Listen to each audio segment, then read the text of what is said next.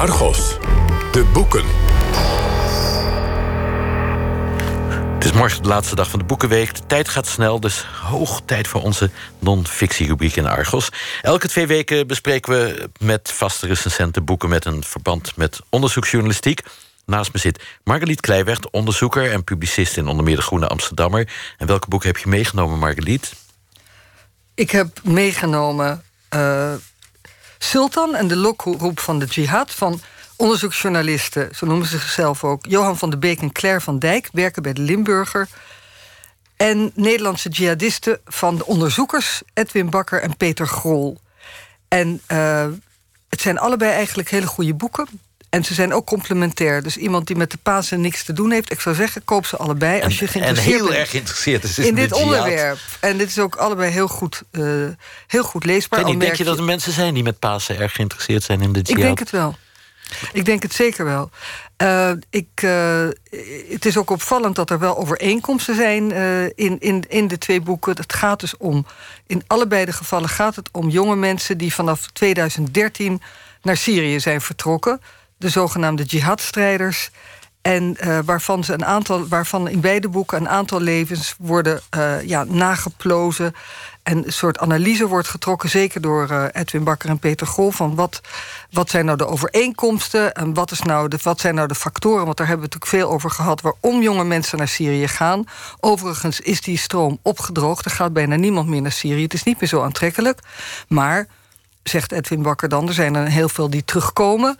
En uh, wat gebeurt daarmee? Of wat doen jonge mensen die hier aan het radicaliseren zijn? Um, wat, je, wat, je, bij beide boeken opvallend is, is dat het vaak gaat om toch om jonge mensen van gescheiden ouders. Vond ik heel opvallend, vaak bekeerlingen. Um, en dat er ook, en dat is natuurlijk ook wel weer jammer, niet een, een duidelijke oorzaak is. Er zijn zoveel verschillende poolfactoren waar, waarom jonge mensen vertrekken. Dat uh, zegt ook de ik vind het een hele goede onderzoeker, die Edwin Bakker... die uh, dat heel goed kan formuleren. Beter op de televisie overigens dan in het boek. Want niet zo goed geschreven? Nou, ik vind hem zo goed altijd. Zo, hel, zo ontzettend helder op de televisie, op de radio. Maar in het boek iets minder helder? Ook wel, maar hij, hij is denk ik gewoon heel uh, prettig om naar te luisteren en te kijken. Dat zal, zal erbij komen. Nee, ik vind het niet slecht geschreven. Uh, ik vind hem beter als je hem hoort. Dat is het eigenlijk. En het andere boek over Sultan, wel goed uh, geschreven, journalisten? Nou, daar wilde ik iets, iets meer over vertellen. Over allebei natuurlijk, als dat kan. Uh, wat, wat het knappe is van uh, het boek van Claire van Dijk... en Johan van de Beek... is dat ze er bijna een soort roman van maken. Ze, ze hebben een ja, een, een, een, drietal mensen, viertal mensen uit Maastricht... die allemaal zijn uitgereisd. Helemaal, uh, na, ja, daar vertellen ze het verhaal van de belangrijkste... is natuurlijk Sultan, Sultan Berzel, een onopvallende uh, jongen... die zichzelf Abdullah al-Hollandi noemt. Wat ik ook al bijna, uit, ik weet het niet... uit een striproman, als je dat zo hoort een hele gewone gemiddelde jongen. Een, een, leerling van een middelbare school... die wel een beetje met een hoogwaterbroek... Hè, dat is als je een beetje salafistisch bent... dan heb je een hoge broek, ging hij mee naar school. Hij luisterde veel naar de Koran. Hij wilde ook bidden op school. En hij had goede vrienden en vriendinnen... En hij studeerde toerisme in Maastricht. Hij studeerde toerisme. En zei opeens tot iedereen's verbazing... ik wil niet stage lopen aan de Côte d'Azur, maar in Syrië. Ja, dat, dat kan natuurlijk ook. Daar was iedereen wel heel erg verbaasd over. En schrok daar ook van. En wat ik het knappe ook vind, is dat zij uh, in detail de dingen beschrijven... terwijl ze niet met zijn ouders hebben gesproken. En natuurlijk ook niet met hem, want wat er met hem gebeurd is... Ja, dat is weten we nog niet. Nou, dat weten we heel goed. Maar ze beschrijven dus ook dat... Ja, uh, jij wel, maar de luisteraar nu nog niet. Nee, dat ga ik zo vertellen. Ze wat ik zo goed vind aan het boek is dat ze ook heel veel details hebben. Dus ook als ze zijn kamer beschrijven... dat er een grijs tapijt lag en een poef met een kleedje... en een bidmatje met een bloemmotief. Je gaat op in het verhaal waardoor je het ook spannend vindt. Uiteindelijk is hij, uh, heeft hij zich heel gekrenkt gevoeld op school... Uh, toen hij uh, bij ProDemos in Den Haag, waar je alles kan leren over de democratie, zeer uh, verbolgen was over een, een, een, een afbeelding van homoseksuelen met de, de, een masker van Mohammed. Nou, dat, toen heeft hij er de boel kort en klein geslagen. Is hij vervolgens geschorst door zijn opleiding. En drie maanden thuis gezeten, waarin hij helemaal kon verder radicaliseren. En hij is, niet meer, hij is blijven zitten, hij, mocht niet, hij kon, wilde niet meer naar school. Is vertrokken met zijn vriend Rezan, ook uit Maastricht. En ehm, heeft zichzelf opgeblazen in Irak. Uh, daar zijn uh, twintig doden bijgevallen, uh, politieagenten en veertig gewonden. ja, dat is natuurlijk. Het is echt een, een massamoordenaar. Een massamoord. De meest dramatische zelfmoordterrorist die we hebben gehad.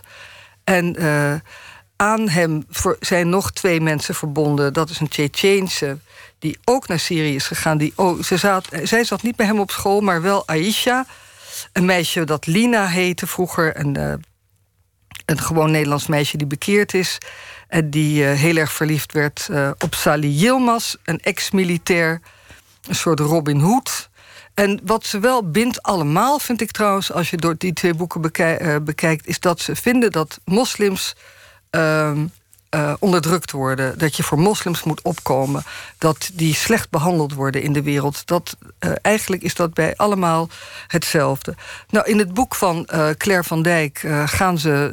Ja, als een soort roman beschrijven ze de, de weerdegang van die vier mensen. En dat werkt wel heel erg goed. Het had overigens wel beter geredigeerd moeten worden, vind ik. Dat vind ik een echt wel een kritiekpunt. Dat is jammer, want het begint met twee hoofdstukken waar je geen touwen vast kan knopen. Uh, dat wel een beetje overdreven. En dan ineens beginnen ze uh, bij hoofdstuk 2 met de volgende zin. Sultan Berzel sterft op 12 november 2014.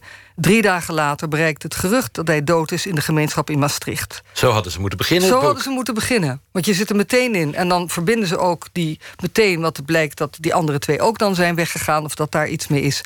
Wam, dan zit je in het verhaal. Goed Heel jammer. met Pasen. Begin bij hoofdstuk 2.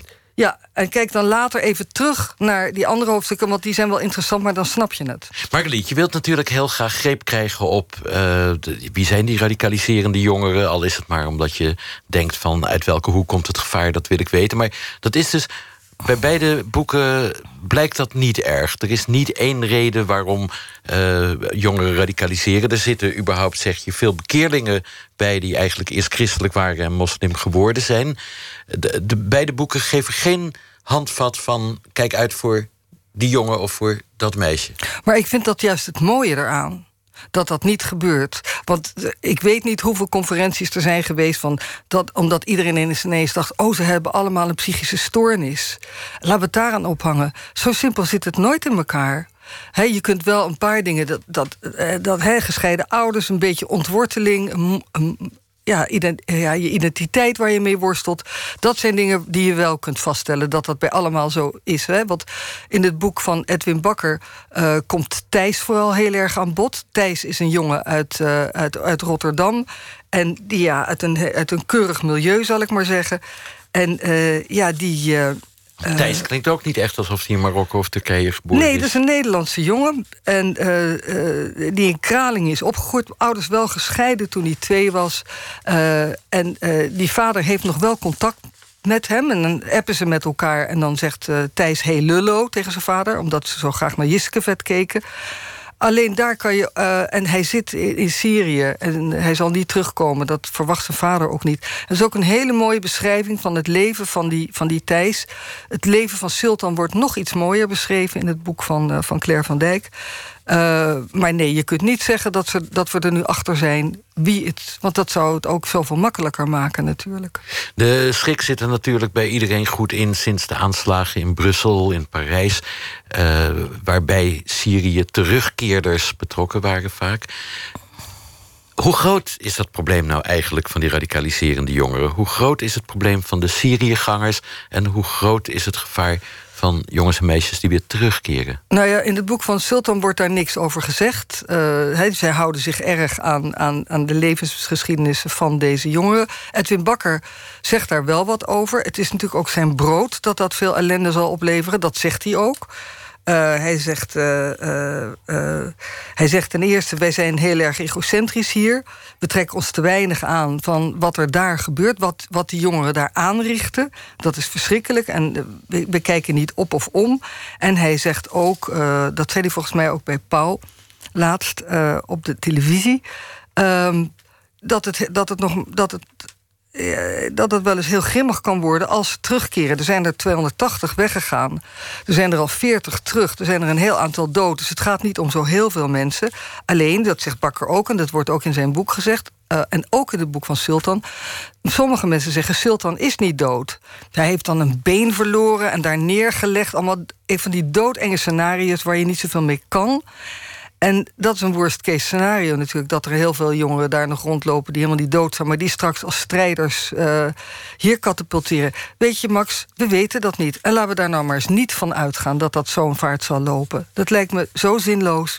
Nou ja, Bakker en Gol schrijven ook... het gaat maar om 0,0002 procent van de Nederlandse bevolking. Dan denk ik, dat valt mee. Ja, maar dat is getalsmatig. Maar als er, als er 14 eh, jongeren iets verschrikkelijks doen hier in Nederland... dat lijkt me meer dan voldoende. En dat, of we dat kunnen hanteren, weet ik ook niet. Maar ik vraag me af, ik denk wel, hij pleit er heel erg voor om, om het veel beter te begeleiden, die terugkeer naar Nederland. Want nu staat er een groot, prachtig verhaal in NRC vandaag over Laura, die, uh, die teruggekeerd is en nu al heel lang uh, op de beveiligde vleugel van de EBI of de TBI, of in ieder geval in Vught zit met Mohammed B. En die heeft zegt ze alles afgezworen, maar, maar men gelooft haar niet. Dus het heeft heel veel met vertrouwen en wantrouwen te maken. Nog één onderwerp, als het mag. Uh, Johan van der Beek en Claire van Dijk uh, klagen ook de cultuur van stilzwijgen aan. Een heleboel mensen wilden niet met hem praten... uit de Marokkaanse gemeenschap in uh, Maastricht niet. De school waar Sultan op gezeten heeft niet. Het gemeentebestuur deed moeilijk. De toenmalige burgemeester Onno Hoes dat moet je herkennen, want uh, dat stilzwijgen ben je voor je eigen onderzoek in bijvoorbeeld Amsterdam Nieuw-West ook tegengekomen. Nou, ik, ik vind dat ze, dat, uh, dat ze eigenlijk iedereen zoveel recht doen in dat boek. Want ze hebben alle recht en reden om daar behoorlijk kwaad over te zijn, want ze hebben een een mooi onderzoek en een prachtig boek geschreven. En het feit uh, dat uh, de school niet wilde, wilde meewerken. Nou, ze beschrijven ook uh, wat ik het allerergste vind. Dat toen duidelijk werd dat Sultan zich had opgeblazen. dat er op school niet over mocht worden gesproken. Dat is een stilzwijgen van het allerergste. Dat het eigenlijk ook geen effect had gehad op de andere leerlingen. Dat de jongen zich had opgeblazen. Dat is natuurlijk de allerslechtste manier om met zoiets om te gaan. Welke van de twee boeken moet ik met Pasen lezen als ik moet kiezen? Sultan en de lokroep van de jihad. Prachtig. Johan van der Beek en Claire van Dijk van De Limburger. Die schreven het. Dankjewel voor je komst, Margeliet Kleiwecht. En dit was Argos. Zondagavond morgen dus meer onderzoeksjournalistiek... bij de collega's van Reporter Radio om 7 uur op NPO Radio 1. Volgende week zijn wij er weer... Straks radar met veel over auto's. De presentatie is in handen van collega Misha Blok. Ik wens u een heel goed weekend en kijk uit voor stille teruggetrokken jongens die toerisme studeren.